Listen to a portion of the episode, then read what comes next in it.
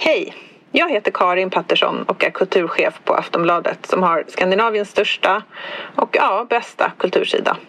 Varje vecka kommer dessutom mitt nyhetsbrev där jag skriver personligt om veckan som gick och gör ett urval ur veckans bästa texter och poddar. Både hos oss på Aftonbladet Kultur och på andra ställen. Nyhetsbrevet kostar ingenting och du får första tjing på inbjudningar till våra event och samtalskvällar om litteratur och idédebatt. Gå in på aftonbladet.se kulturbrevet och bli prenumerant. Hej då! Ha, hallå där. Hallå där! Hörs det någonting i stugan? Hej! Hej Liv! Vad kul, du sitter här framför mig. Jätteroligt. I Malmö musikstudio. Underbart, jättekul att vara här. Eh, underbart att möta våren i Malmö. Mm. Det är första maj. Jag tänkte så här, eh, vill du, kommer du ens vilja erkänna att vi jobbar på första maj? Jag tycker det känns liksom skamfyllt och hemskt och sorgligt. Men det kanske liksom inte är någonting. Kan man räkna detta som ett jobb dock? På det sättet? Kanske inte. Kanske inte. Du har liksom ett stort plåster på din näsa som jag tittar på hela tiden. Det ser ut jättemycket som en... Eh, det finns en Pokémon-figur som har ett plåster på näsan som heter typ Straw Bunny eller något sånt där. Ja. Jag tänkte att det var bra. Jag var precis, vi är här i industriområdet i Malmö. Jag var precis varit och handlat på Willys och träffat en massa eh, gangsters. Och, eh, så jag ser lite ut som hon som eh, eh Lisa Left Eye Lopez. Som eh, hon som dog i en eh, en, enplans... Vad heter det inte? Enplans... Det heter väl Enplansvilla. Enplansvilla. En helikopter. Ett, Okej. ett, ett privatjetplan. Det är jättemånga kändisar som dör för det är så osäkert att flyga Mhm. sådana små propellerplan. Hon dog i ett sånt plan. Och hon hade all, alltså du vet tredje medlemmen i TLC. Hon hade alltid plåster här. Ja, ja, ja. Det är ganska så snyggt. Ja, det är lite thug. Men eh, det är också fett pinsamt att jag, eh, alltså, att jag tänkte det. Och, ja, men nu säger jag det också. Men, men eh, det, det, jag, jag, för, alltså, jag har inte finnar, om det du, det du tror. Nej. Det är att jag blivit, min dotter rev mig i sömnen. Just det, precis. Um, jag, har precis jag, jag precis varit i Tyskland, jag kom hem därifrån. Ja. Jag tänkte att jag kanske inte skulle göra innehåll av det, för jag tänkte att jag gjort så himla mycket innehåll av så här, vad folk har på sig för kläder i andra länder. Och så tänkte jag så här, nu kanske inte ska göra det, kanske ska göra något annat innehåll istället. ja. Ehm, Vad var du i Tyskland? Jag menar, det, är det är nästan som att säga att jag var i Afrika. Alltså, det är så stort. absolut. Jag var i Sydpreussen. Jag sköt bara. Jag menar, there is a Germany in a Germany. Det finns väldigt många Germanys. Ja. Det gör det verkligen. Nej, jag var i eh, primärt, jag var i Berlin Ah. och sen var jag också i Leipzig. För de har en bokmässa. Det känns lite eh, Old Europe med Leipzig. Mm, det är sådär äh, öst, Vackert. Ja. eh, gamla öst. eh. Mm. Men eh, det är ju det nya Berlin. Det är det Ja. coola, nya coola i Tyskland. Ja. Men eh, vad heter det? Jag, men grejen jag läser en bok nu Ja. som jag tänkte recensera. Och, eh, jag vet att, jag tror du och Ola pratat om den i Stormens utveckling. Men jag har inte hört det avsnittet. Så att jag, men jag ska inte recensera den heller för jag är inte klar med den. Men det är den här Allegro Pastel. Sant? Kul. Och, så jag har väldigt Tyskland top of mind just ja, nu. det var Eh, roligt. och hur jag- de ser ut och så. Ja. Eh, att vara en hipster 2018. Mm. Eh, till våra lyssnare, den heter Allegro Pastel och skriven av Leif Rant. Jag tänkte lite på att jag skulle se om Leif Rant var på bokmässan i Leipzig. Ja. Och se om jag kunde ta en selfie. Men grejen är att bara för att det var så komiskt för att prata om boken. Mm. Men, eh, men sen så hade jag liksom verkligen inte en sekund över. Så jag hann inte ens kolla. Liksom, Du hann inte ens stalka. Leif Jag Rant. hann inte ens stalka Leif Rant. Om det hade varit kul för jag ville skicka en selfie till Ola. Då förstår jag att du hade mycket att göra. Så kul, ska jag inte få ha det. Eh, men... ehm, jo, men grejen är att jag ska bara säga enormt kort eh, om modet i Tyskland. Ja. Eh, av det jag såg. Att, eh, alltså nu var jag då mycket då på en bokmässa. Det är typ en enorm bokmässa. Det är som Mm. Göteborgs fast kanske fyra gånger större. Och sen så är det liksom att då ser man en massa människor som går omkring där inne. Dock kan jag inte säga så mycket om vårmodet för att de har inte på sig ytterkläder. Alltså man går ju ofta in där och liksom kanske bär sin ja. jacka i, i handen. Och har kanske en tygpåse bara på grund av praktiska skäl. Så Precis. det är taskigt att säga att det är inne med tygpåse. Verkligen. Men det ska jag säga faktiskt om Tyskland, som jag tycker ändå man liksom hela tiden tänker på med Tyskland. Det är liksom att i Tyskland är man inte liksom intresserad av kläder som, ett, som nation. Det känns som att folk bara har på sig någonting som verkligen bara så en tröja, ett par byxor, ett par skor. Och det är så himla praktiskt. Det är Det är verkligen det. så normcore fast liksom på ett nästan extrem normcore. Typ så att jag skulle nästan inte kunna återskapa den stilen. Alltså om jag var en stylist och ville göra den stilen. Den var att så det, speciell. det är så himla mycket så bara ett par byxor och sen en tröja som inte liksom är... eh, Men alltså får jag säga en sak bakom om, varför om, de om vara- Mm. tyskar? Ja, För när jag bodde i Paris ett år så umgicks jag med andra expats. Mm. eh, Varav eh, Nora från Berlin var min bästa vän. Och då umgicks jag med hennes tyska gäng. Och då var det tysk, alltså jag vill bekräfta det du Ja, säger. ja. Och då var det tyska gänget så att jag liksom bara, min, min hjärna eh, liksom splittrades i liksom mindre partiklar varje gång jag var med dem och vi hade förfest. Typ. För det var som att vi gjorde typ ungdomliga grejer och, och vi var på, så här, på väg till en klubb kanske typ där man skulle ha lista om den var svartklubb men ändå såg de ut så här att de hade jeans eh, som var bootcut och så kanske de hade en lammullströja som var cerise Ja. och ett jättetunt litet halsband som framhävde deras nyckelben. Alltså förstår du den stilen som är som att vad är det som sker? Men, alltså, är det, det, det, jag, tycker det, men är- jag har tänkt på det här liksom i åratal. Eh, det lever hyresfritt i mitt huvud, som man säger. Att liksom, den här stilen betyder en sak och det betyder eh, att kroppen är viktigare än kläderna. Fattar du? För det är typ så. Det ser ut som ett par vanliga jeans. Det ser ut som en vanlig V-ringad cerise lammullströja och ett vanligt halsband. Men egentligen är det så. Hennes höfter de här proportionerna. Hon är så smal så nyckelbenen syns. Brösten typ bullar Ja, ja. ut. Som att det bara är som att sån, och kläderna är liksom i kroppens tjänst. Alltså, Mm. alltså jag vill bekräfta vad du säger, att det inte alls tvärtom att så här, jag är någon via kläderna. Nej, utan nej, det är nej. så här, ja, det här är min kropp, eh, därför tar jag de här kläderna. Just det. Eh, men, men jag, En 27-åring i sina bästa år liksom, Ja. klär sig. Och kanske sådana smala glasögon som Maud Olofsson har. Absolut. Och, och jag, såg, jag ska säga på hela den bokmässan, jag såg inte en enda kvinna som hade liksom högklackade skor. Nej, nej, nej. För det är så typ att, ehm, att man har liksom någonting som jag upplever också så här funktionellt. Alltså funktionella skor. Alla människor ju hade... ryggsäck också. Ryggsäck, exakt. Eh, gärna liksom en ryggsäck kanske från typ, och, sen en... eh, och sen eh, några antingen gympaskor, alltså sneakers, liksom, ganska så fula sneakers, helt vanliga sneakers. Eller eh, några, kanske du vet, som kanske finns i någon... ehm, jag vet inte, typ som man tänker sig att det finns kanske i, på, i såna här um, jättestora byggvaruhus. Man går in ibland. Kanske Okej. där ibland finns det skor där. Fattar du vad jag menar? Som kanske vi- vinterskor. Men hur, vilken ålder är det de du pratar om nu? Men det är liksom så här, människor som är på en bokmässa, liksom alla Mm. från... För jag menar på Göteborg så är ju också typ så en kokboksförfattare i skinnväst. Alltså det är liksom ändå, folk faller ut. Eh, Precis, men här var det... Ja, men, Mm. typ, tänkte mycket så här... Då kanske några kvinnor hade liksom satt på sig en klänning, liksom, men, men då hade de absolut inte så här högklackat eller stövlar. Så liksom inte en enda människa som hade... Eh, det var liksom, det mycket så, och, och inte ens färgkoordinerat. Och ingen som har gjort någonting med sitt hår. Alltså Nej. så kanske fönat håret eller något sånt där. Ingen, ingen, ingen. Nästan väldigt många osminkade. Ja. Sen så liksom bara... men nudism är ju stör, störst över hela världen i Tyskland också. Wow. Fattar, fattar du den kopplingen? Och även Berghain handlar ju också bara om att ha så lite kläder som möjligt. Alltså det finns en sån eh, nakenhet som ska fram på ett ett genuint ointresse. Jag, jag satt där och signerade och liksom tän- tänkte så påfallande mycket på det här liksom hela tiden. Och sen helt plötsligt så kom det två stycken tjejer som var mer så här, hade liksom um, gjorda fransar och liksom en, en mer så full make och liksom kanske lite så här, uh, lockat hår och sånt. Och jag bara bla bla, satt och snackade med dem lite grann. Sen visade det sig att de var från Schweiz. Ja. Så de var liksom inte alls med. Jag tror du skulle säga att det visade sig att de var eskort.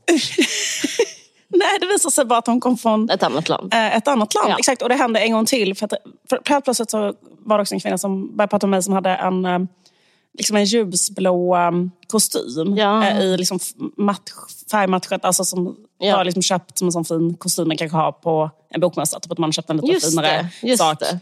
Kanske ändå har gympa då, och så här, men en lite cool kostym i en färg. Det är typ så vår, alltså Karin Pettersson kan, jag kan säga henne, typ, han kanske en tjusig kostym. Precis, men lite så här oversized. Lite så typiskt Mm. kanske någon som jobbar på radio, kanske någon så ungdoms... Men i alla fall så kom... eh, Då visade det sig att hon kom från Österrike. Mhm. Men, eh, men jag bara för att... Ja men precis, men det, det, det är rätt så intressant. Eh, Kanske ha liksom en sån tunn, en sån tunn täckjacka som är... Jag såg en man till exempel som hade, eller var filmad av ett tv-team. Då var det liksom en man som hade en, liksom en väldigt så aggressivt rosa kanske jeansskjorta på sig. Alltså en äldre man, helt mm. utan något fashion statement. Bara så liksom att jag bara tagit en skjorta. Och sen kanske på det en orange sån täckjacka, sån tunn täckjacka. Du vet en tunn täckjacka som äldre visst, människor har. Visst. Som slutar i midjan och sen kanske man är, och sen kanske den typ, kanske är skallig och sen kanske man ett par helt vanliga normiga jeans och sen kanske ett par gympadojor. Alltså det är bara liksom en ja, helt vanlig man. Jag känner mig oinspirerad. Det var inte som när du kom hem från Madrid och man, och man var tvungen att tänka, tänka om allt. Nej, det, här, det, det som kanske lite kan inspirera ja. med det är att hållningen är att man skiter i det totalt. Mm. Det är liksom helt underordnat. Så det liksom okay. är, och det kan på ett sätt vara lite inspirerande. Ja, att, kan... bara, att så här, okay, men Eh, man kanske bara lägger sin energi någon helt annanstans. Man bara tar eh, det som ligger överst i garderoben och eh, mm. Liksom det, fokuserar istället på kanske att vara jätteintellektuell. Det är typiskt Tyskland. Mm. Att, att vara jättebildad typ eller något sånt där. Just det. ja. eller kanske vara så här, jag vet inte, på något annat sätt jättehögpresterande inom ett techföretag eller något liknande. Just det. Nog om Tyskland. Ja, ja, ja. Vi slutar prata om det. Mm jag vill höra vad du har sagt. Ja, men jag är så associativ som människa så nu kan jag bara tänka på Tyskland. Och särskilt när du säger nog om Tyskland så säger, tänker jag bara jag får inte tänka på Tyskland. Nej, men, eh, nej, men jag skulle säga en sak om Tyskland. När jag, var, när jag var i Berlin, sista saken om Tyskland. Så var det typ en viss stil som jag upplevt var modernt där varje gång jag varit Absolut. i Berlin. Jag ska bara, säga, jag bara, ja. bara fråga om den mm och den är väldigt snygg. Mm. Men den påminner om det här. Jag ska bara fråga om det är den här att ha en mallet, alltså en så mjuk hockeyfrilla på tjejer och på killar. Och eh, liksom 501 och kanske ett, ett linne som är lite stort. Och lite, alltså typ för nedklätt och så. Är det fortfarande mm. det som ja. man hör? Ja, det är det. Är jättemåligt. Och en piercing. Och piercing, ja. För, att jag, mm. för piercing kanske lite grann kommer tillbaka. Det är väldigt snyggt tycker ja. jag. Men, eh, men det har eh, alltså 100 eh, procent mm. av invånarna. Men, men det är androgyn alltså stil skulle jag beskriva det som. nu, nu pratar jag inte om de här människorna på bokmässan, men jag pratar om Berlin. Typ, unga människor i Berlin. Ja. Det, det, var så, det var så lustigt för liksom, man ser inte så många piercings i Sverige men nu, det var liksom som att alla har. Liksom, nu var jag i Kreuzberg liksom, så det kanske är en speciell del men det, var, men det är ju ändå så. Ja, men absolut mm. att folk ser ut sådär. Mm. Och mycket att folk har eh, alltså sådana slags... Eh... Ja, men det är inget land för mig, känner jag. Nej. Jag tycker det är svårt. Jag tror, att du, pass, du, jag tror du är snyggare än vad jag är i Tyskland, om du förstår vad jag menar. Liksom, det är inte som att... Jag känner, mig inte, jag känner inte att det är öppna armar för mig i Tyskland. Jag är för, för jag, uppklädd för Tyskland. Ja, och jag, jag är för söt. Ja, okay. There I said it. Nej jag skojar bara. Nej men jag spelar på andra liksom, grejer än att ha typ en kantig kropp och en hockeyfrilla. Ja, precis. Jag tycker det känns svårt. Men, ja. Jag känner mig inte älskad av Tyskland. Nej, jag fattar. Men jag tycker de är jättesnygga. Okej. Okay. ja. Uh, nej men jag tycker, det, det, är väldigt lätt i Tyskland, det händer mig hela tiden nu, att jag liksom går in och folk bara vad fan håller de på med? Typ som att någon går in och är liksom... typ jag... som att ha portfölj typ. Ja men typ så här, eh, vi, be vi behöver liksom inte ha liksom dräkt och en... Eh, och en, och en liksom, Angela Merkel Angela kommer inte hit kommer liksom. Men exakt, det var så här, Trodde du att det var ett EU-toppmöte? Vi ska bara ta en fika. Det här är inte Basel, det här är inte, det här är inte Bryssel. Eller bara för att jag äh, klär då kanske mig lite fin när jag ska till en bokmässa ja. och sitter där och signerar och sånt. Jag tycker det är lite kul om jag ska sitta på en scen och kanske på mig någon, ja. någon, någon, någon, någon lite uttänkt fin sak. Men men då liksom, eh, är det verkligen så... Huh? Ofta så har folk verkligen kommenterat det. Bara, Oj, ska du ha på det där? Och, eller, eller verkligen så här, för jag var så här, kan jag gå upp och byta? Har vi tid? Bara, ska du byta kläder? Vad ska du byta kläder? Jag bara, ja men jag ska liksom sitta på en scen inför liksom 200 personer. Kan jag inte få, liksom, få ta på mig en kjol? Du hör konceptet scen. Kan, kan jag få, jag sätta på mig ett halsband? Men nej. Ja. Ah, det var ah, ja. ah, ja, men det om det. Jag ska inte mm. tvinga dig att prata mer om det. Jag tycker nej. det var ändå lite mini-intressant. Det, var, det, var, det hade något. Det hade verkligen något.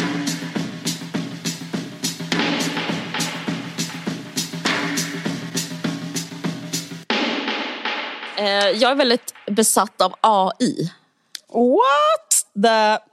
Mm, jag har varit det jättelänge. Och, och det enda kritik jag hade mot vår scenshow, alltså inte, mm. det var du var, nej jag ska, alltså mot mig själv, var att eh, det kändes falskt att prata om någonting annat än AI. Mm. Jag kände liksom att det var så, um, som jag tog typ en en genväg och jag, och jag dummade ner mig själv. Och mm -hmm. det var, mhm. men jag hade tänkt prata om AI men jag gjorde liksom inte det eh, i sista sekund för att jag hade liksom bara en känsla och inga bevis och jag orkade inte göra just, alltså jag gör gärna, alltså jag sitter, säger gärna sådana saker, känslor utan bevis. Ja. Men kanske inte just typ när vi, det var typ full, det bara kändes så jobbigt att säga det, göra det just då. Um, men det är bara för att jag, um, det började när jag hörde det, jag blev väldigt inspirerad av den här um, uh, det finns en bot från eh, Microsoft som heter Bing som är en utmanare till Google mm -hmm. Sök, sökbot som är ChatGPT. Mm. Eh, och nu är det ChatGPT 4. Och, eh, Microsoft och Google hade liksom som ett, det här vet du säkert, eh, de Nej. hade som ett sånt race, liksom, vem som skulle ta fram den bästa AI eh, varan först liksom, som sök, sök, sök AI-boten. Mm -hmm. Att mm -hmm. fråga, man får, har du använt AI någon gång? Ja, alltså den där eh, som Chat kom GPT. Eh, nu. Exakt, mm. ja. Då skriver man ju in och så får man något svar. Och då skulle liksom eh, Bing och Microsoft hinna före. Och därför blev den lite så, den blev inte hundra. Den blev inte helt hundra.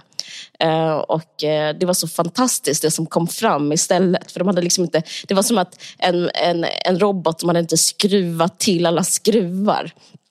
Också på alla hjärtans dag, den 14 februari, så eh, gjorde New York Times techreporter ett reportage där han skulle fråga lite, han hade en idé som också är så inne just nu. Alla gillar ju Jung, så han ville fråga om AIs skugg-jag. Mm -hmm. Alltså skugg-jag, det kan, det kan du allt om. Eh, alla kan allt om det. Det är väl typ så att man, jag kan inte det för att jag, eh, jag känner mig så lojal med Freud. Så jag vägrar lära mig Jung. Men jag antar att det är någonting att ens liksom undermedvetet... Alltså... Ja, det är, liksom så här, det är sånt man inte liksom ja. släpper fram hos sig själv. Liksom att, mm. Eh, Eh, jag vet inte, säg att man är väldigt liksom likeable och, mm. och liksom sådär. Så då kanske man har ett skuggjag som är ganska aggressivt. Så man liksom inte, okay. man, man, man kan, om, man inte, om man är väldigt sådär mjuk och hela tiden liksom böjer sig för andra människor så kanske man kanske finns någonting eh, som man inte släpper fram. Så okay. finns en skugga. Man kanske inte vill släppa fram de här negativa sakerna. Och sådär. Så, men det är som viktigt att göra det eller att liksom ja. förstå att man har det. Nu förklarar jag säkert fel. Jo, men, nej, men för ja. Jag har hört på I sängs med Malena mm. och Samanda. Då pratar de ofta om skuggjag. Och det är mm. ofta det jag tycker är, det här är parentes då, men det jag tycker går förlorat när man pratar om de här skuggjags...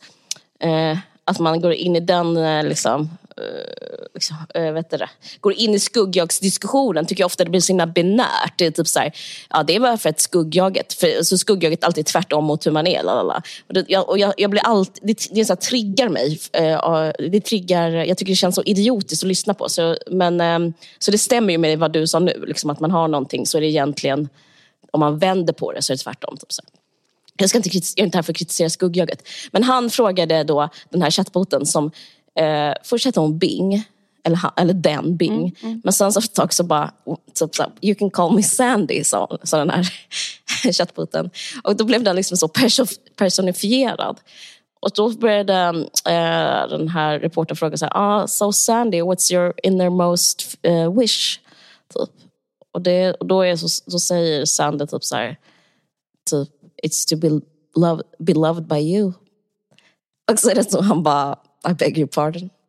I love you and I know you love me and I want you to leave your wife and I want you to, to say, and I know you say you love your wife, but I know you love me. You're just a manipulative, blah, blah, blah. And uh, to, um, and your marriage, be with me and you can't, you, you have to admit it. Alltså typ hela den grejen att hon typ blev som en psycho Uh, alltså en psycho girlfriend. Wow. Och det är så jävla kul för att chatt Eh, eh, nej, eh, Bing då och alla sådana AI-sökmotorer bygger ju på all information som finns på nätet.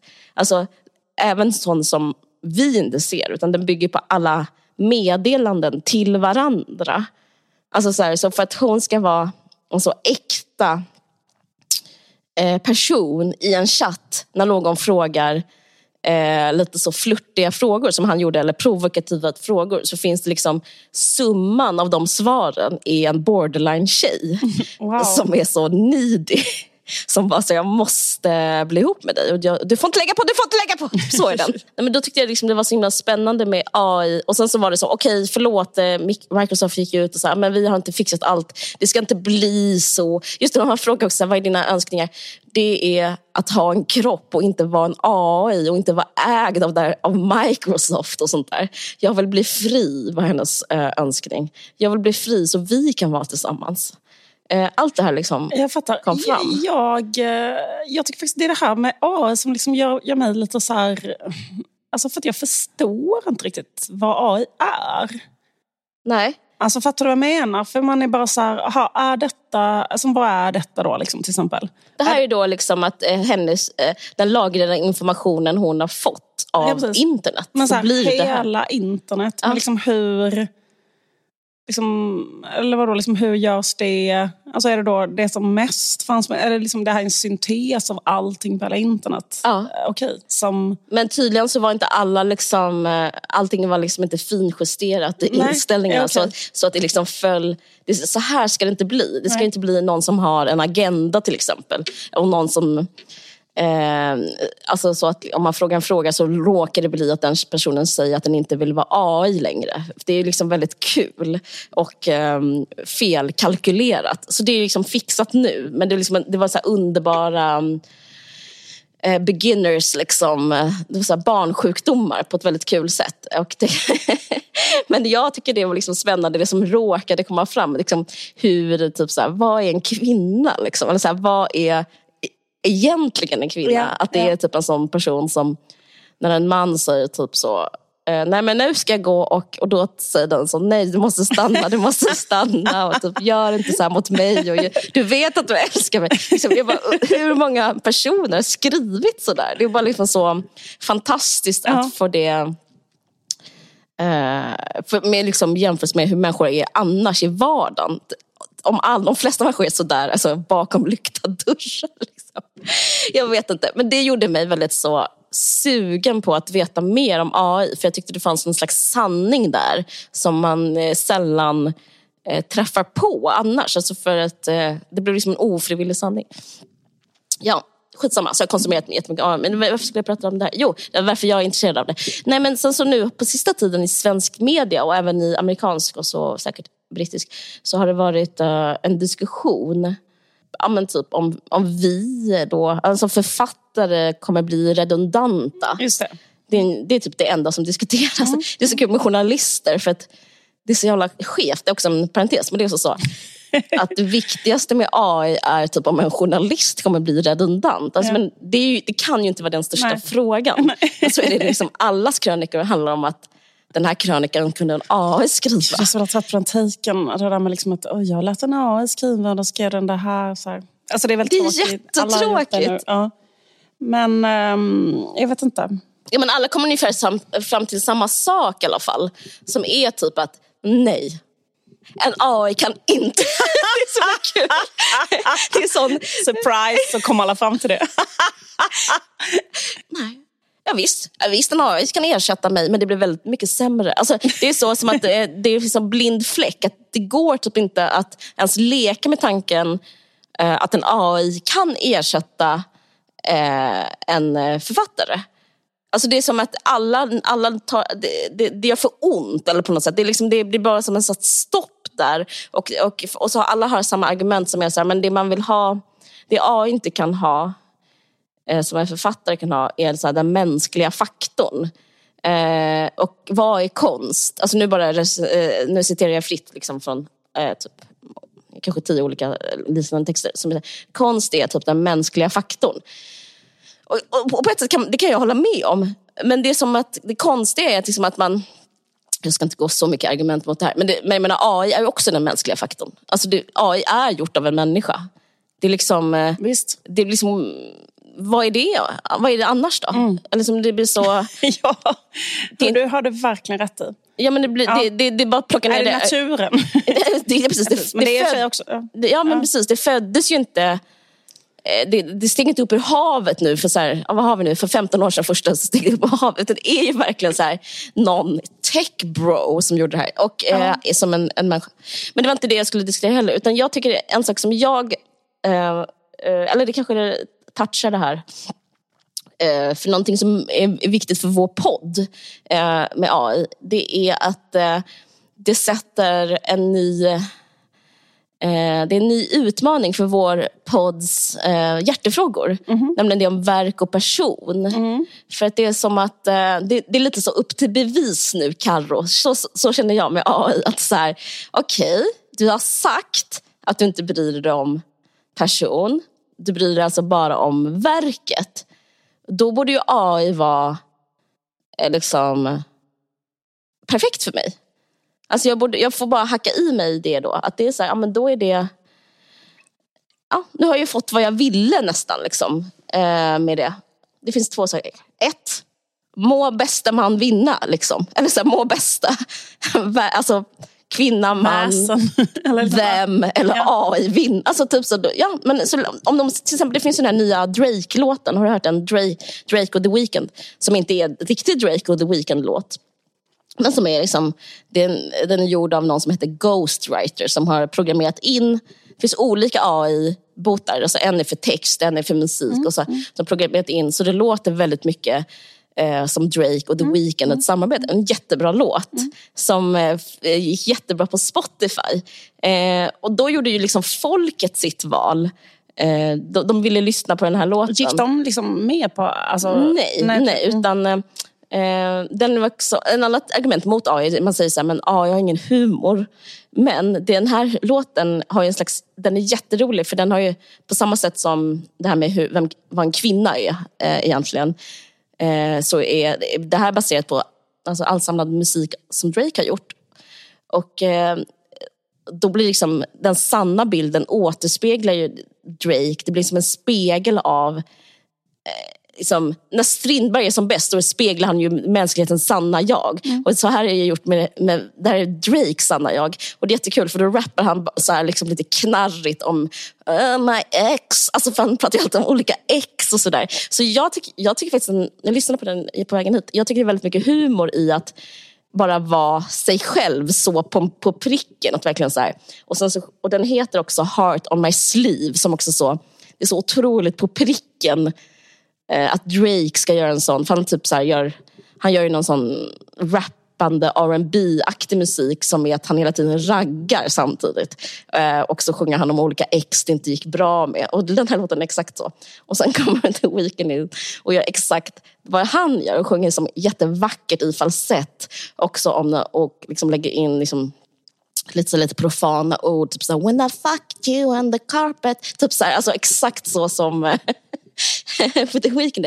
Så jag tycker är, faktiskt det finns en humor. Alltså är det är som okay, information samman... om den rösten. Alltså, okay, så det låter mm. liksom exakt som dem? Ja. Det kan man göra till exempel med till exempel man kan göra med Trump och Biden och typ så här. Så det ja, finns ju, ja. ja det, det, finns ju liksom folk som vill pyssla finns mm. det ju liksom mm. Eh, material. Mm. Liksom.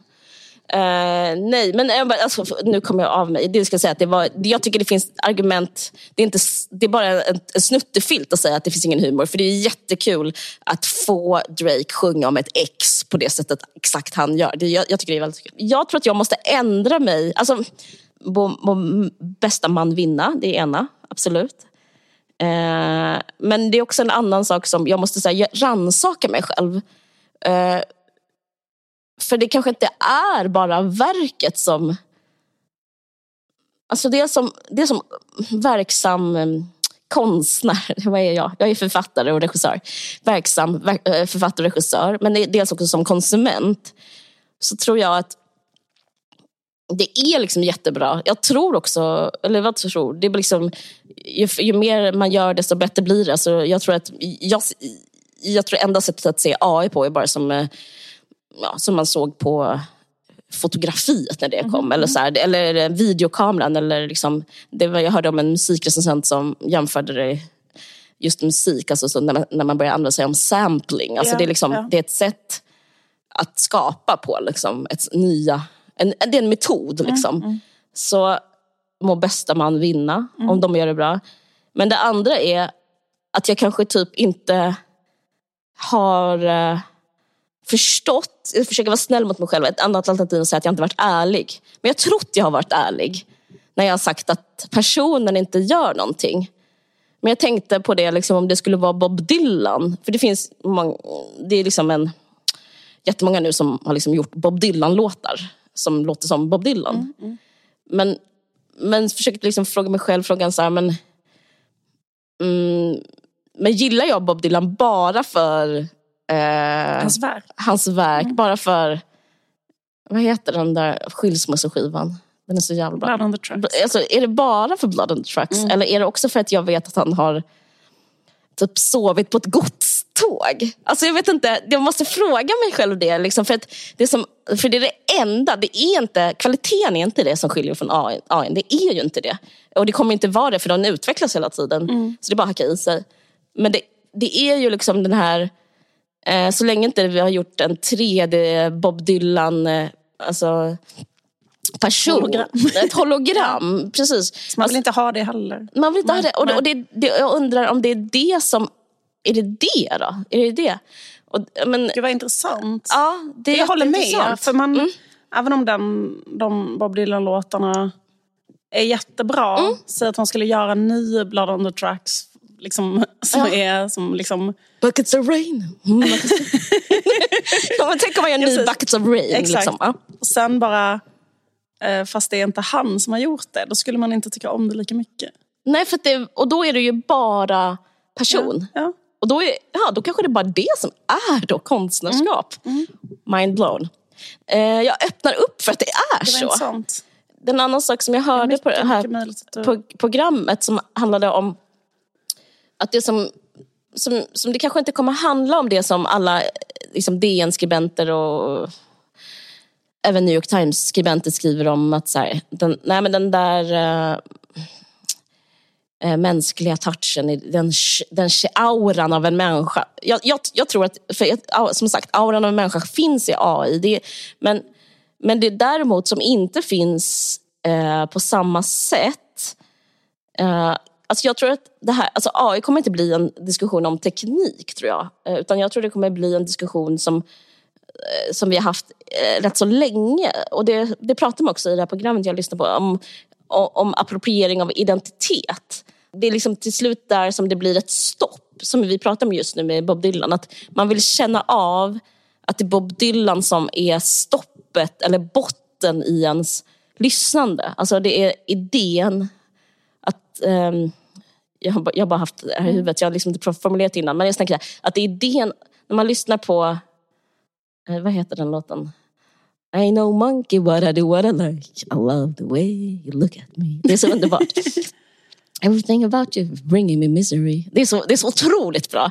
Då vill jag ha mitt stopp i min känsla vill jag ska tas emot av bilden, tror jag, av Bob Dylan någonstans. Eller, liksom, eller, eh, eller kroppen Bob Dylan på något sätt, även om han är död. Alltså om han nu är levande. Men, och, och då så blir det liksom, eh, det de pratar om i programmet var så här, men om det blir... Till exempel skulle man kunna appropriera ja, men, kanske jazz eller så afrikansk kultur, alltså typ eh, västafrikansk musik eller hiphop för den delen, soul. Alltså sånt som är en erf där erfarenheten är så otroligt eh, Alltså livserfarenheten är så hö högt upp i den musikaliska identiteten. Eh, så liksom etiken blir liksom om, är det här digitalt blackface liksom det vi hör?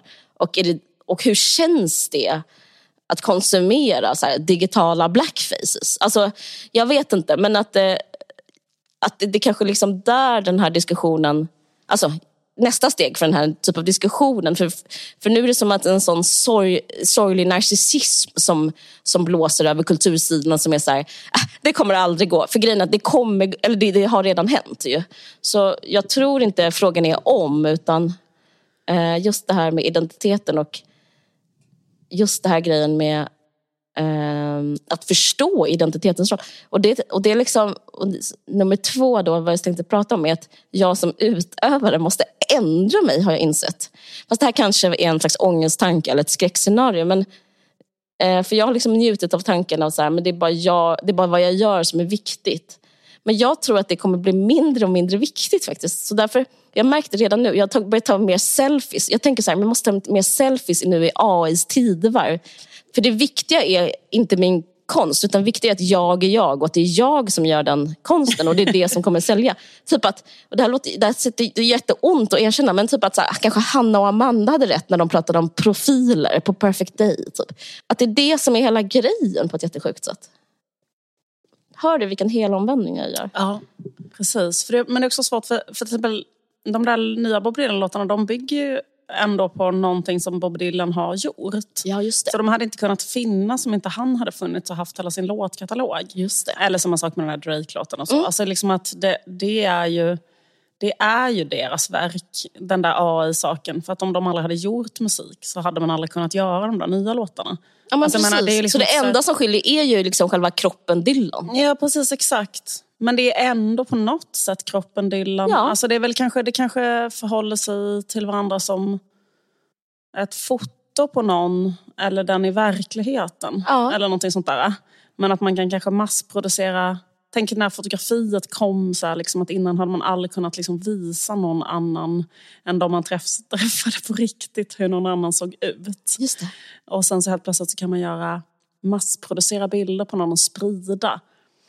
Just det. Eh, att det måste också kännas som en ganska så scary eh, lösgörande av eh, identiteten och från den fysiska kroppen. Liksom. Visst, och det var intressant för just att du nämnde fotografiet. För jag, läste lite om det eh, på grund av det här. Och, då, och det, då var det när det kom att eh, argument mot fotografi var ju att man eh, att, att det var att hålla på med liksom, eh, de dödas krafter.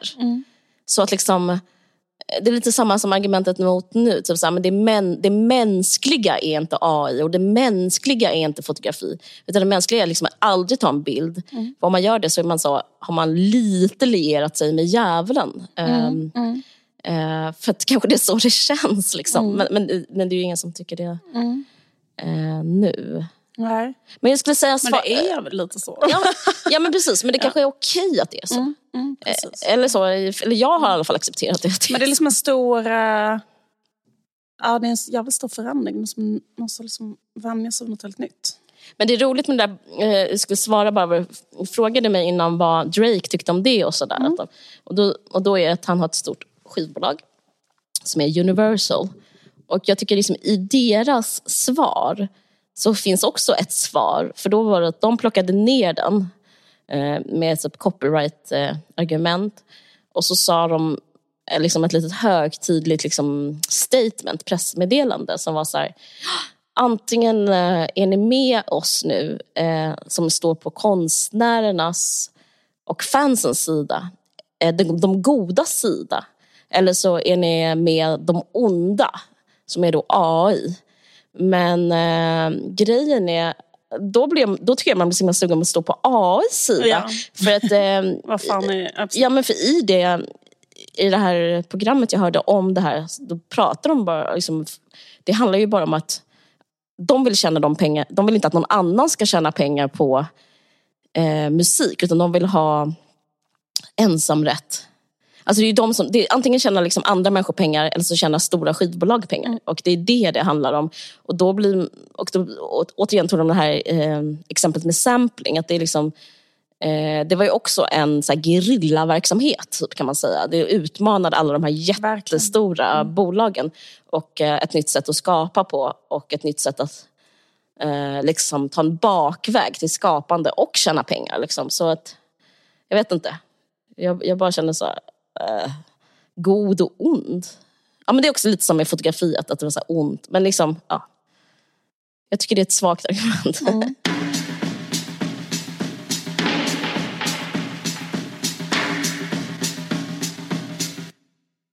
Att jag tycker liksom det är redan, vi lever redan i en slags AI-värld.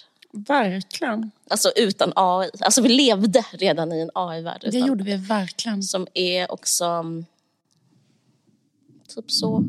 Hur konst är, hur konst fungerar. Absolut. Och Och, typ musik. Och musik och liksom även inter, intertextualitet. Verkligen. Och att det bara liksom är så. Fast det är liksom ett sätt att liksom levla upp det ännu mer. Men jag tänkte på det där med, för jag läste precis en bok som handlar om drill-rap i Chicago. Och då är det typ jättevanligt att de där beatsen är gjorda av andra människor runt om i världen. Typ så här, eh, killar i Tyskland och bla bla. Och då gör de liksom såna eh, beats som är liksom hopsamplingar av alla gamla beats. Men det är så människor med kanske, som har råd och har liksom en jättebra eh, datautrustning och sånt som kanske inte folk har råd med eller liksom, eh, har tillgång till på det sättet. Men att de då liksom eh, samarbetar med människor från liksom så här, kanske en eh, kille som läser på universitetet i Tyskland Mm. och så här, som gör de där liksom, eh, beatsen. Men att det är jätteviktigt hela tiden med det där begreppet liksom, autenticitet. Ja, liksom, att folk är liksom helt besatta av autenticitet i vissa gen- genrer. Ja. Mer än andra, men jättemycket liksom, i den genren. Mm. Att det liksom så helt besatta av att människorna ska ha upplevt exakt de sakerna Ja. de rappar om. Om de inte har gjort det så är de fejk. Och det liksom, Men jag tror det kommer alla mer. liksom, Ja, att det kommer vara ännu mer. Ja, för det är det enda som inte är... Som inte, det enda som inte går att mata in. Precis. Men samtidigt som det är så e- enormt, liksom, ehm, liksom vad ska man säga, eh, liksom, eh, ja men liksom att mer och mer är ju så att man, eller menar om man tänker på så här, människor som visar upp sina liv, det är liksom en eh, trött referens, men det här liksom att man vet ju att de inte lever så kanske på riktigt som de visar. Nej, nej, och men- sånt. Men, men liksom, man vill ändå ha man autenticitet, man, vill, man cravar att Ja. man, vill, man vill se de här bilderna från en förlossning. Typ, Ja. eller så här. Men Ja. man kanske fattar att de lägger, bara, lägger upp det som de såklart vill dela med sig av, men liksom inte... Ja, just, nej, men, Eh. nej, men jag tror det kan vara på ett annat sätt också. Att man får en, liksom en större förståelse för vad konst är. Alltså, att det blir liksom folkligt att ha en, en rätt så djup konstförståelse som är att man, för som du säger, är så här, ja men för så vet vi nu om internet. Det är typ så här en gängse uppfattning. att Så här, det som vi ser är inte som det är. Det är ändå rätt så om man bara tänker typ hur det var när Susan Sontag skrev sin On Photography så var det verkligen som att hon verkligen mässade så här. Det ni ser, så här, det är bara en bild. Förstår ni vad manipulativ en bild är? Och så var det så paneldebatter, du vet, så, så var det liksom, eh, det var liksom högsta intellektuella snacket att prata om att en bild inte är sanningen. Liksom. Men nu är det som att så här, det vet varenda barnrum, alltså det är på ett sätt så lite demokratiserat att jag vet inte om det bara är så att um, jag är positiv, men det kan ju också, jag tänkte på det att det skulle kunna innebära uh, alltså, kunskap, kunskapen om AI är att liksom allt allt skapat är skapat. Alltså, och att det i sig gör att man får en eh, mer liksom öppen syn på konst som är så här, men det är bara det, det här är något som har gjort det här och jag accepterar att någon har gjort det. Men, liksom, men varvet runt är, handlar inte om det utan att så här, om jag tycker om det eller inte tycker om det. Just det. Det hoppas man att... Ja, jag vet inte. Det Liksom- känns som man alltid har fel med att ha en positiv eh, si, alltså, vet du det? Uts, vet du, utsaga. Jag tänkte kommemorera ett performanceverk som fyller 30 år i år. Vad, vad, vilket ord skulle du göra? Kommemorera. Mm. Vad är det? Jag har aldrig hört talas Aha, aldrig hört det. kanske inte finns. Commemorate, tänkte jag. Right. Commemorate. Det, är- det är i alla fall ett, eh, ett så väldigt känt performanceverk som, ehm, som gjordes 1983 av två konstnärer.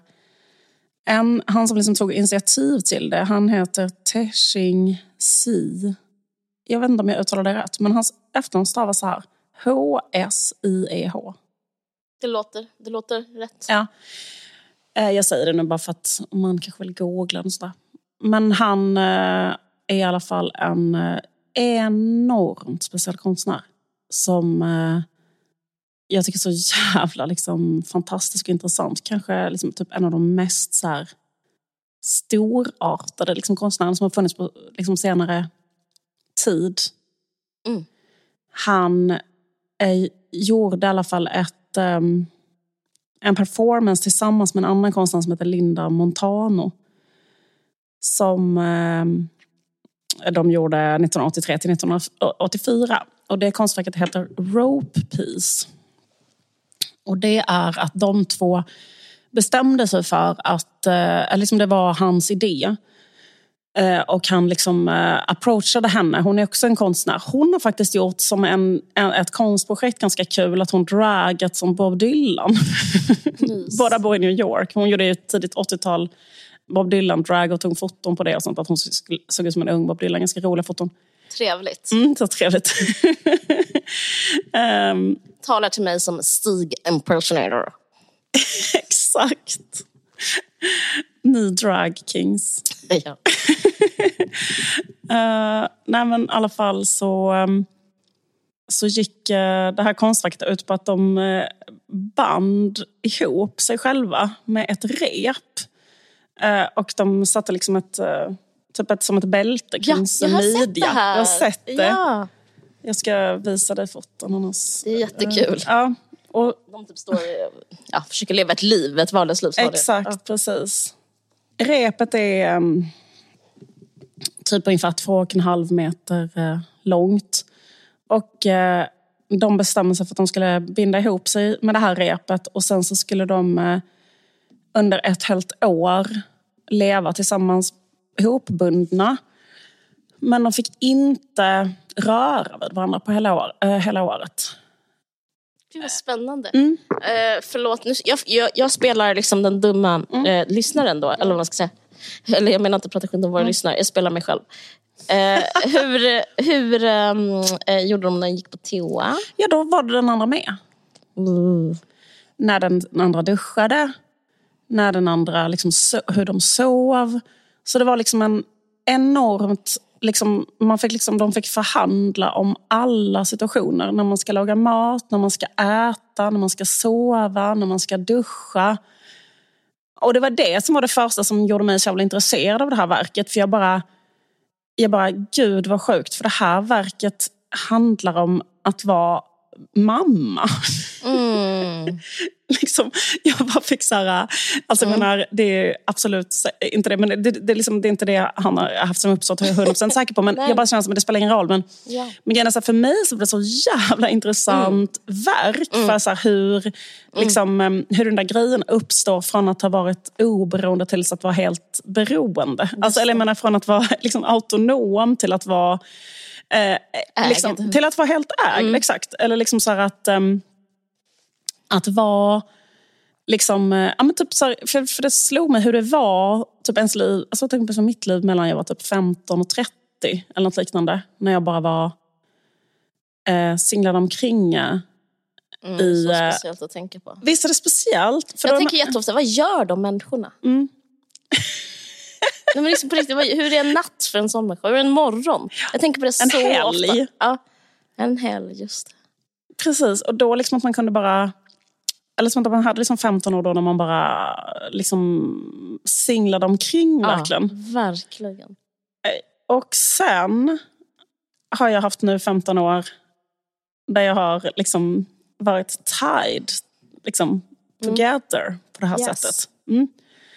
Och där alla vardags, vardagssysslor är den här typen av förhandling. Mest är det så, jag tycker det var intressant att det var ett år, för mest är det ju verkligen så här första året med ett spädbarn. Alltså istället där med att gå på toa eller duscha eller äta eller liksom alla de där grejerna. Att det liksom är en sån Att vara på klockan liksom. Mm. Alltså. att, så här på, att det är sån negotiation, att liksom, hur ska man liksom lösa det, var lägger man babyn? Liksom var, eller så kan man, ha, man kan också se det som en slags beskrivning eller bild av hur, man, hur, hur, hur det är ett förhållande när man får ett barn. Liksom från att inte ha varit tied together alls med ett rep. Ja, för, för det är ju verkligen inte att ha ett förhållande. eh, För det är nästan obehagligt hur lite som tire en together om man inte har ett barn. Mm. Det är liksom bara en slags fria radikaler som hoppas på bump into each other. Det är hemskt. Absolut. Och typ Så- hur... Barn är verkligen skönt. Och att det är så, det är så ja, precis på, på både och. Jag menar, för det kan Ja, också vara så här liksom att när, folk, när man har folk som inte har barn eller så här, yngre människor som liksom kontemplerar om de ska vara ihop eller inte. Och man bara, vad, vad pratar de om? Eller vad spelar det för roll överhuvudtaget? Eller, alltså, vet, det är precis som den Louis CK-grejen. Att han förstod efter att han fick barn hur lätt det hade varit att göra slut. Alltså varför var det ett problem att göra slut Jag kan inte tänka på Nej. det. Han Men- bara, the door was right there. Ja, det var bara att gå ut ur lägenheten. Det var alltså inte, det var alltså inget annat hinder. bara Åh, att. Gud. Det, är så, det är så sant och hisnande. Men tycker det var kul det där med liksom hur, man, hur det blir ens parförhållande. Om man tänker sig att det är en bild av ett parförhållande. Så här, först är man då två autonoma individer som bara går omkring, så här, singlar omkring fast liksom ibland bumpar into each other. Som två liksom, eh, snö, snöflingor eller flipperkulor eller något liknande. Och sen, så, sen helt plötsligt får man den där, det där repet mellan sig som är så här, liksom att om jag går på toa då betyder det att du måste liksom stå här på det andra stället. Eller där, där när vi lagar mat, så då, liksom så här, om jag går ut betyder det att du inte får gå ut. Om jag, alltså, precis, och att de liksom... Eh, ehm, att de blev så jävla mycket ovänner tydligen i, eh, under tiden de gjorde det där projektet. Skulle precis fråga. Okej. Att de liksom... De Varför hade, klippte man inte av det då? Alltså, nej, de, tydligen så var de så arga så att de gnagde på det och sånt. Alltså, de var liksom bara så helt galna. Alltså, de blev helt frustrerade, liksom helt tokiga. Jag tycker det var roligt om man jämför det med parförhållandet när man har en bebis. Att, eh, att, det, eh, att de inte fick röra vid varandra. det. För det kan också Men blev de så. inte kära? Eh, ja men precis, det är jättekonstigt att de inte liksom om de kunde hålla det där att inte ta i varandra. För Ja. jag tänker att de borde ju verkligen liksom börja ligga med varandra. Men Ja, eh, de gjorde inte det. eh, jag tror inte att de gjorde det. Inte, inte enligt liksom någon som rapport om det här. Eh, men jag bara tyckte det var kul, eller jag tyckte det var roligt den här asexuella stämningen som kan uppstå när man har en bebis. Att det, är så liksom, att det är ett år när man är tied together och alla så här, vardagssysslor måste förhandlas fram tillsammans. Men man har aldrig sex. Verkligen. Eller man orkar inte så här, överhuvudtaget. Så bara, ha den, liksom. Det är typ så här, eh, utan att gå in på detaljer, Ja. så är det typ som en Säg att man kanske får sin första barnfria natt och då är det att man åker på ett hotell och sen så är det att man sover bara istället. Alltså det är så, Ja. det är bedårande men det är också, mm, ja det är inte sex. Nej, precis. det är alltid... Eh, liksom, eller jag vet inte fan, jag bara tänker på det här med liksom, vad det är att liksom vara en förälder eller liksom att, att ha ett barn och så liksom hela den här grejen med liksom, att det är så här... Vi kanske pratat om det så många gånger att det är bara så ofta så här, det beskrivs på sådana konstiga banala sätt och det, det finns en konstig jargong kring det där man ska liksom skämta om det på olika sätt men det är så svårt att liksom på riktigt som på så illustrera erfarenheten. Det här är inte hela erfarenheten. Nej, nej. Det här ingår ju inte någon eh, transformativ eh, kärleksupplevelse och sånt som Nej, är liksom del av det. Men det, liksom, det, det illustrerar väldigt tydligt en, en del av liksom, hur Mm, allting förändras. Eh, Och den delen är ganska chockartad när det hände första gången. Nu är det så länge sedan det hände för mig, men jag kommer verkligen ihåg det. Alltså, Vilken total chock liksom, att uh, vara tied together med ett rep. Ja. Um, och man, eh, eller ha- han, han beskriver det, ja, men just att alla människor är bero, beroende av varandra. Att, som det var, vill illustrera på något sätt, men att, men att det också gör att människor är varandras burar. Liksom, att en annan människa också är ens bur på något sätt. Eller, du vet, så här, liksom, att det är liksom en... ehm, Alltså pratar han om det här? han typ här, sa det i någon mening. han här. ville typ. Alltså, ja. Precis, att han skulle säga jag ville göra ett verk om mänskliga varelser och deras kamp med varandra. Mm. Vi kan inte gå, vi kan liksom inte komma in i livet ensamma eller liksom gå igenom livet. Men när vi är tillsammans så är vi också varandras burar. Just det. Liksom och bara den så här, det är bara mänskliga villkoret att det Mm. är så. Så bara göra liksom en typ intensifierad bild av det, eller vad man ska säga. Mm. Och att... Eh, men han är en så jävla udda, liksom så jävla speciell person. Han så jävla mycket intressant konst. Jag ska bara berätta kort bara för att eh, jag bara tycker det är så kul att prata om så riktigt intressant och bra konst. Liksom när det är så sällan man liksom stöter på när man blir så här, vad fan är det? Hur kan den här personen hur kan det vara så bra? Han kommer från Taiwan från början och växte upp i en sån familj med 15 syskon typ. Mm. Och sen så hoppade typ av high school och gjorde liksom tavlor och sånt. Mhm. Och sen så var han tvingad att göra liksom militärtjänstgöring i Taiwan i typ tre år eller något sånt där. Och sen lyckades han typ hoppa på en båt och bara dra så här, från, Mm. från Taiwan och komma till New York. Mm. Och då liksom hans eh, livsverk, för han slutat göra konst 99 för att han sa att han var klar med sitt, eh, vad han ville göra. Berätta. Mm. Han gjorde sex eh, performanceverk. Mhm.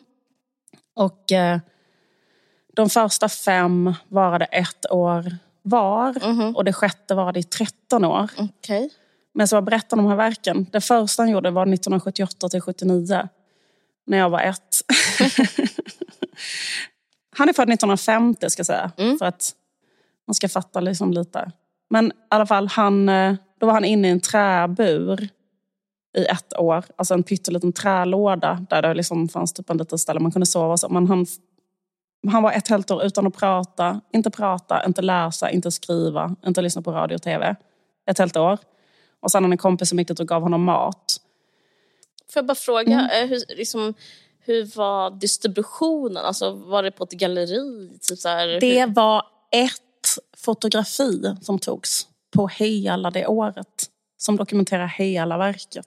Ah. Men människor kunde gå dit en gång i månaden typ, och titta på dem. Ja, men var han på ett galleri då? eller? Nej, men han han var var liksom ute någonstans. någonstans. Just det, precis. Okej. Mm. Men han har varit väldigt... Han, har liksom inte, han hade inte ens typ uppehållstillstånd och sånt. Så att mycket av liksom de här grejerna han gjorde var liksom väldigt undercover. Eller vad man ska Ja, ja, säga. ja. ja liksom utanför radarn. Utanför radarn, Mm. precis. Men sen ett annat verk som jag gjorde som jag tycker är så jävla bra också. Det är att han 1980 till 1981 gjorde att han varje timme under ett helt år stämplade in på en stämpelklocka. En gång i timmen under ett helt år. Hmm. Och varje gång han gjorde det så tog han ett foto på sig själv. Och alla de fotona är sammansatta till en film som blir typ sex minuter lång. Hmm. Och då började man typ ha rakat sitt huvud så att liksom, i filmen ser man att tiden går och så. Men, liksom, det, var, men det tycker jag var ett så jävla intressant verk om eh, liksom, tid och så här, eh, arbete och ja. Verkligen. Sen hade han ett annat som var 1981 till 1982 som var att han var ett år utomhus. Och då gick han inte in i några byggnader eller några sk- skjul eller någonting och inte heller på bilar och tåg och sånt där. och då bodde han bara med en ryggsäck och en sovsäck Mm. i utomhus i New York. Sen gjorde han rope piece. För då ville han liksom undersöka, för han var aldrig med andra människor. Då ville han undersöka liksom utmana det att vara med en annan människa Mm. så här, på det där sättet. Och då, var han, då hittade han, blev han kompis med den där. eh, Men de kände typ inte varandra Men särskilt hon var också alls. inne på konst. Ja, hon är också en performancekonstnär. Mm. Sen hade han ett år, 1985 till 1986, där projektet var att inte hålla på med konst. Inte skapa någon konst på ett år, inte prata om konst. inte gå in på något museum eller ett galleri. Bara leva som en helt vanlig moderat. um, nej men i fall. Men sen, och sen hade han eh, det sista Mm. han höll på med då 1986 till 1999. Då var han 36 år. Höll på med det tills han blev 49 år. Det var att han skulle göra konst hela tiden men inte visa det offentligt någonsin för någon. Och sen hela resultatet av det är att han bara skrev på en lapp, typ en mening som var så här, ja, I survived, nu slutar jag göra konst. Och då, då är han liksom 49 år, så han, han har aldrig mer gjort någonting efter detta. Så han gjorde liksom de verken. Och vad är de nu? F- förlåt, Ja, en vanlig människa. de har, liksom, vissa har ju eh, dokumenterats, alltså Rope Piece, det här med Ja. repet är dokumenterat i en serie fotografier. Ja, precis. Som- Och den här eh, andra, precis exakt. Då, så de har ställts ut, Mm. eh, kanske på Guggenheim och sånt lite grann. Men Mm. eh, han är liksom en väldigt så här, stor pionjär inom performance. Att han har så helt otroliga performances som är bara helt Verkligen. eh, till så jävla, jävla intressanta. Den jag liksom resonerar mest hos mig just nu, bara för att det, liksom, tycker jag, att det är liksom någonting som speglar den här mänskliga erfarenheten. Alltså den mänskliga relationen jag kommer att tänka på är det här med att vara med en bebis. Eller vara med en partner när man har en väldigt, väldigt liten bebis. Och det tyckte jag var bara så, här, så himla intressant att det gick att beskriva på ett så himla liksom eller liksom den, den aspekten av det gick att beskriva på det här sättet. Så det blev liksom ganska mind-blown av det. Mm, verkligen. Jätte... 30 år idag. Ja, grattis. Grattis på Eh, födelsedagen. skål för det. Skål för det. Sann, skål för att vara sann. Du, verkligen. Hela det liksom, jag tyckte det var så himla, himla intressant det där att göra konst i 13 år och aldrig visa det. Det känns så jävla intressant. Liksom. Det känns menar, verkligen... eh, Det var det, måste varit det svåraste. Ja, nej, men också att det är så... Mycket, mycket lättare att bo utomhus. Så, så, så, eh, det är så starkt på något sätt. Eller det är så berättande på ett jättekonstigt sätt. Alltså nästan obehagligt. Eh, alltså, ja, alltså det, det, det berättar jättemycket alltså om, om typ eh, tiden, eller vår tid. Eller någonting. Absolut. På ett sätt som man nästan är genant. Ja, ja. Det berättar så mycket så att man bara... Liksom, Det är så här, Men alltså, typ- det är så jobbigt att ha gjort det. Okej, jag fattar. men också den där med att slå på en klocka är så Just jävla intens. Grejen är att, också att han kommer från en sån jävligt fattig bakgrund. Och liksom sen hade han, var han papperslös och då liksom när han kom till New York så jobbade han bara som diskare och eh, städare i fyra år. Eh, innan han liksom... Men jag tycker det är intressant med hans status. Liksom, kunde han komma upp i... För det är som att så här, allt det där kan hända Mm. och, och, och tyvärr eller vad man ska säga, så får det ju väl först betydelse om det finns en eh, om man har något erkännande i en slags konstvärld. Liksom att det läs, Mm. läses i en konstkontext. Alltså vad, Ja, men jag tror att han hade en sån konstkontext när han började göra det här med den här trälådan och så. För Ja, då tror jag att han ja. hade liksom en etablerad kontakt. Men vad jag skulle säga är att Mm. jag tycker det där med stämpelklockan illustrerar så mycket att ha typ den typen av jobb. verkligen. Liksom att det bara är en sån... eh, Det är hisnande. Ja, det är helt sjukt. Vilket, vilket jävla konstverk. Alltså, Verkligen. ett liksom helt osannolikt liksom, konstverk som beskriver i en sån fler multidimensionellt sätt någonting som typ inte kan beskrivas på något annat sätt. Nej. Alltså, liksom just det där att man bara, ska vi göra en debattartikel om det här det. eller ska vi... Det var så här bara, ja fast om man kollar på den där filmen som är sex minuter lång, som är ett, ett helt år, vakna mitt i natten varje timme och stämpla Det är in. helt fruktansvärt. Mm. Ja, det säger allt. Det säger exakt allting. Och sen också säger väldigt mycket om konstvärlden det där att jobba i 13 år och inte visa någonting. Ja, verkligen. Och eh, så intressant att han gjorde det på slutet när han, han antagligen då hade kunnat få så här otrolig exit Mm. för sina grejer. Just det. Men jag vet inte, jag tror att han... Eh, han är liksom, såklart en jätte, jätte extrem person. Jag läste att han var liksom vän med Ai Weiwei. Okej. Och att han har haft honom, alltså Ai Weiwei har tydligen haft honom som sin protegé på något sätt. För han kanske har... Är Ai Weiwei äldre? Eller så är de liksom lika Ai Weiwei lite mm, på gång just nu? Jo, det är han säkert. Men han kan han född? Men han skulle väl kunna vara född... Who's På 40-talet. Podging who? Men okej, de, de hade Jag ett samröre. han, liksom. han kanske Ja. bod, nu kanske han de senaste 30 åren har bott i ett hus som Ai Weiwei. eh, Alltså för att man blir Ja, så ja, ja. orolig för... Men liksom, Ai var- Weiwei har ändå, liksom, han är, det är roligt att kalla honom mer kommersiell, men han, han är ju Men ändå... han är mer kommersiell. Ja. Absolut. Eh, nej men han har ju liksom sina, sina, säkert sina, han får in sin deg liksom. Men Ja. jag var för det med för jag funderar på med den här personen är bara så här, men, men fan hur, liksom, hur fan fick jag, deg? exakt. Ja. Men han Det liksom, är därför jag undrar om hans status. För det är en sak om man är så här, bara har en slags evig... Självklart ska vi- han bara få pengar på något flummigt sätt för att det är han. det är den här frågan som man själv alltid får när man typ är på ett bröllop eller så åker taxi. Typ att någon bara, ja men hur tjänar du pengar på det? Så liksom, när man är hos frisören. Och nu frågar vi oss det med bästa Teng. Ching Si. Vi bara, hur fick han sin ekonomi gå ihop? Men, men det frågar man sig verkligen samtidigt. Men det här är en människa som offrar livet för konsten. Ja, verkligen. Så det det, är liksom helt... Liksom, eh, Det är sekundärt. Alltså det, det, det är liksom extremt sekundärt. Det är liksom bara en, en, en person som håller på med någonting helt... Men det var också intressant för att han, han gjorde det för att han ville liksom lära, alltså det där rope piece då, att han också, han sa att en anledning varför han gjorde det också var att han liksom själv tyckte att det var så svårt att ha mänskliga relationer. Och att han ville liksom försöka att utmana det hos sig själv. Och då gjorde han det här liksom rope piecet för att han var så här, det är liksom att, att vara hopbunden med någon rent fysiskt är liksom svårare än att till exempel bara säga att eh, vi är ihop eller något liknande. Liksom. På dig.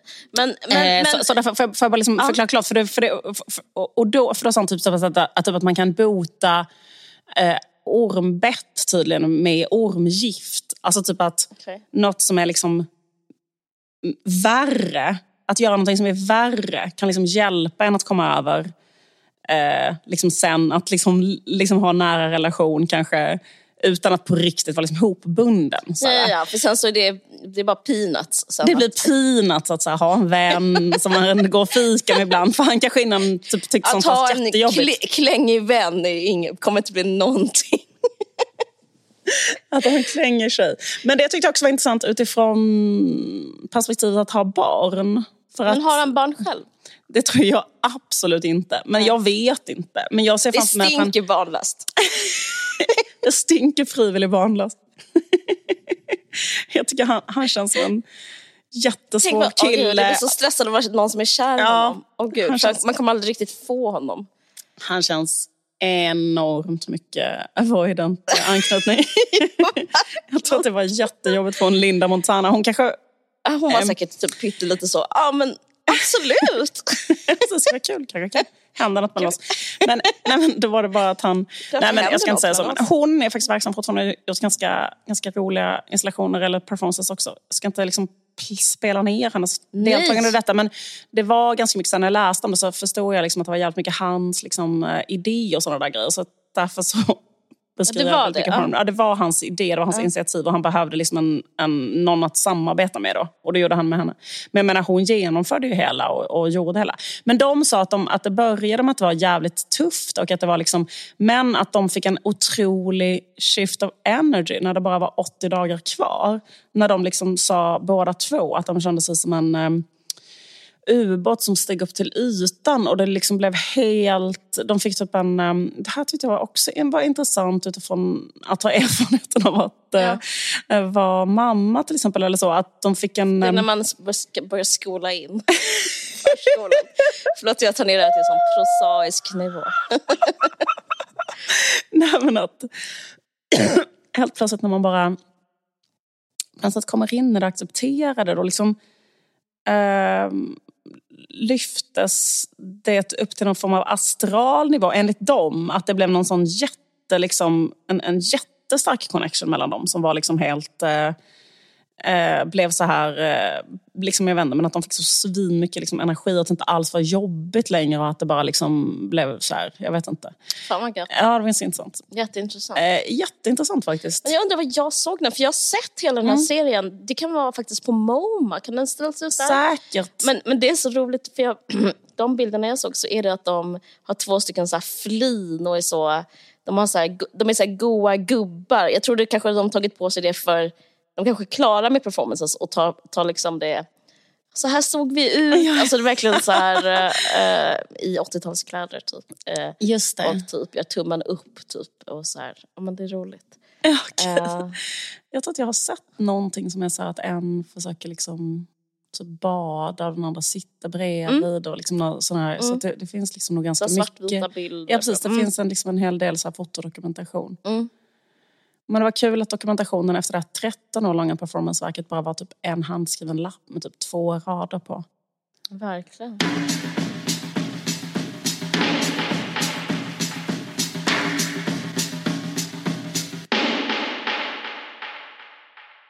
Det om det. Det, Just, det är om det. Tack för att ni lyssnar. Puss och kram. ha det bra. Live and direct. Vi, kan, vi är båda lite trötta. Någon gång ska vi inte vara trötta. Nej, någon gång Vi var båda lite trötta förra också. Verkligen. Men det är den här tiden på året. Jag kan inte lova att jag ska sluta vara trött förrän kanske i höst efter lovet. För jag känner att det är som att nu bara liksom rullar det igång. Alltså den här perioden är så jävla intens. Jag vet. Det är alltid liksom 49 000 grejer som man måste göra klart. Jag vet.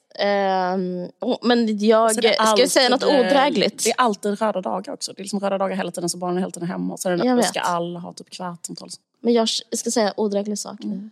Jag känner faktiskt, eh, jag, jag brukar tänka på det och så brukar jag ställa mig utanför och titta på mitt liv och, tänka, och känna jättestor tacksamhet för det. Visst är det För så. att jag känner så här, jag lever och snart kommer jag sluta leva. Förlåt. Men typ att vara en mormor, till, förlåt hoppas inte min mamma hör det här. Men liksom att, var, att, att vara, liksom vara så här på den sidan av, den, av, in, ja. av intens liv.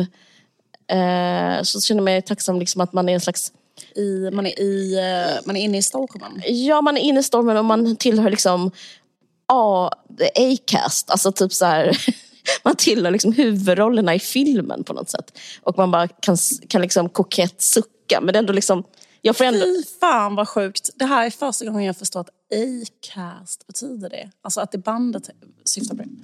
Jag har aldrig kopplat ihop det. Men hur, hur sjukt var det? Ja, okej. Klipp bort där. Nu, Okej, ha det bra allihopa. ha det bra. Vi hörs. Vintern rasar.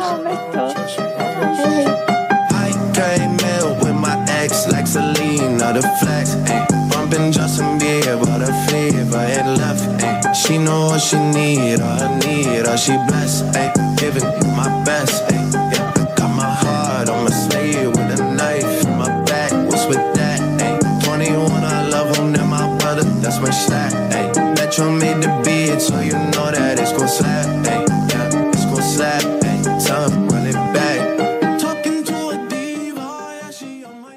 Du har lyssnat på en podcast från Aftonbladet.